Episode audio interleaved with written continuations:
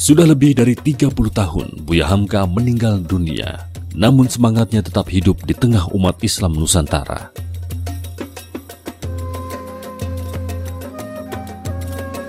Di tepi Danau Maninjau, rumah kelahiran Hamka dijadikan museum.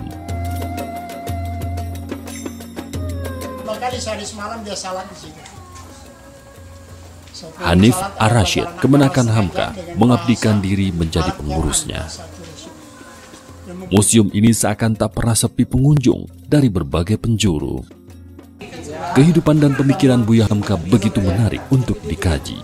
Bukan hanya bagi masyarakat Indonesia, tapi juga bagi para akademik dari luar negeri. Hamka ini sebagaimana yang kita sedia maklum, dia seorang uh, wartawan dan juga seorang agamawan dan juga seorang ahli politik. Banyak bidang yang apa dia terlibat. Uh, dan kitab-kitabnya, buku-bukunya seperti Tafsir Azhar sentiasa menjadi rujukan kami. Uh, kami berasa terharulah dengan apa kehidupan Pak Hamka sehingga kami terkesan akhirnya kami di Universiti Teknologi Malaysia menubuhkan sebuah pusat. Kami namakan dia Pusat Penyelidikan Fiqh, Sains dan Teknologi ataupun Center for Fiqh Research in Science and Technology in bracket C first. Jadi kami akan mengkaji Quran ini berdasarkan perkembangan sains dan teknologi ini untuk uh, penyebaran agama Islam. Jejak langkah Hamka tidak hanya dapat terlihat dari museum ini. Beberapa kilometer dari museum berdiri sebuah pondok pesantren yang berusaha mengabdikan nama ulama karismatik tersebut. Pondok pesantren ini menanamkan nilai-nilai yang Buya Hamka wariskan. Mendidik santri-santri muda menjadi ulama yang berani menegakkan kebenaran-kebenaran Islam. Nilai-nilai yang diterapkan di dalam pendidikan pesantren Buya Hamka yang artinya masih melekat di dalam uh, kepribadian Buya, kita tahu bahwa Buya Hamka itu adalah pendakwah, ya, penceramah. Maka anak-anak ini diupayakan menjadi pendakwah, jadi ulama, ya gitulah kira-kira. Karena memang uh, dasar dari pendirian pesantren ini adalah untuk membangkit batang terandam. Artinya uh, dahulu pesan uh, Selingkar Danau Meninjau ini kita kenal para tokoh-tokoh agama seperti Bapak Manasir, Ayrstan Mansur, uh, Inya DR, ayah dari Buya Hamka. Uh, itu ibaratnya sesuatu yang luar biasa, yang terbenam lah. Jadi dengan adanya pesantren ini kita harapkan bisa bangkit kembali. Kita tum bisa tumbuh kembali Buya Hamka baru. Cita-cita Hamka untuk mendirikan pondok pesantren di Maninjau belum dapat terwujud hingga akhir hayatnya. Barulah beberapa tahun setelah ia meninggal, harapan Hamka tergenapi. Keberadaan pondok pesantren ini diwarnai banyak tantangan, salah satunya terjadi pada tahun 2009.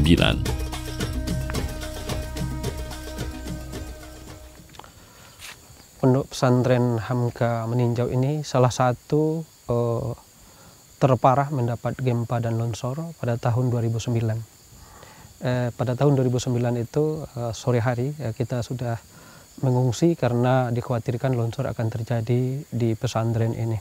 Alhamdulillah eh, anak-anak dan majelis guru dapat selamat dengan baik.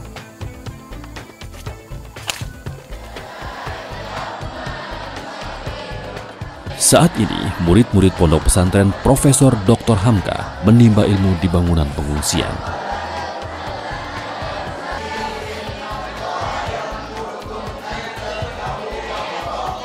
Walau tidak semegah bangunan pesantren mereka dulu, anak-anak tetap belajar dengan penuh semangat. Salah satunya adalah Afri Dayanti. Kegiatan Afri Dayanti dan teman-temannya sudah dimulai sebelum azan subuh berkumandang. Inti berkeinginan seperti Hamka bahwa kan yang direncanakan seperti pimpinan itu Muhammad Nasir, yaitu di Muhammad Nasir kan bagian dakwah selama yang tiba berada di pondok ini, kami kan punya kegiatan setiap bulan puasa itu kami ada syafari Ramadan namanya. Setiap masjid itu ceramah, baca Quran. Insya Allah, apa tuh masjid-masjid yang ada di sekitar Meninjau ini, baik pun di seperti Bukit Tinggi, Insya Allah pernah ceramah. Kalau tidak ceramah baca Quran, tahfiz.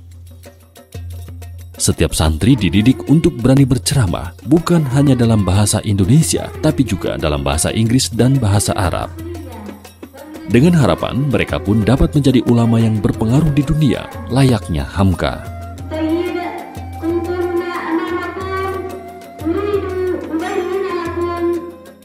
Salah satu yang kita kenal Buya itu berani. Kita lihat bagaimana dia itu menentang Orde Lama Pak Soekarno.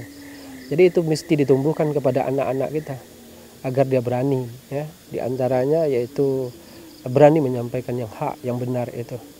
Jadi salah satunya yang pas yaitu sesudah itu yang kedua uh, mesti uh, mampu untuk berdakwah ya. Kita kepahami Buya Hamka berani terutama untuk menyampaikan yang hak. Apabila anak-anak ini uh, dibina secara mental, kemampuan untuk tampil dan juga kemampuan untuk ceramah, artinya secara tak langsung ini juga memiliki nilai-nilai Buya itu sendiri. Peran Buya Hamka dalam perkembangan Islam, politik, dan sastra membuatnya memperoleh gelar pahlawan nasional Indonesia.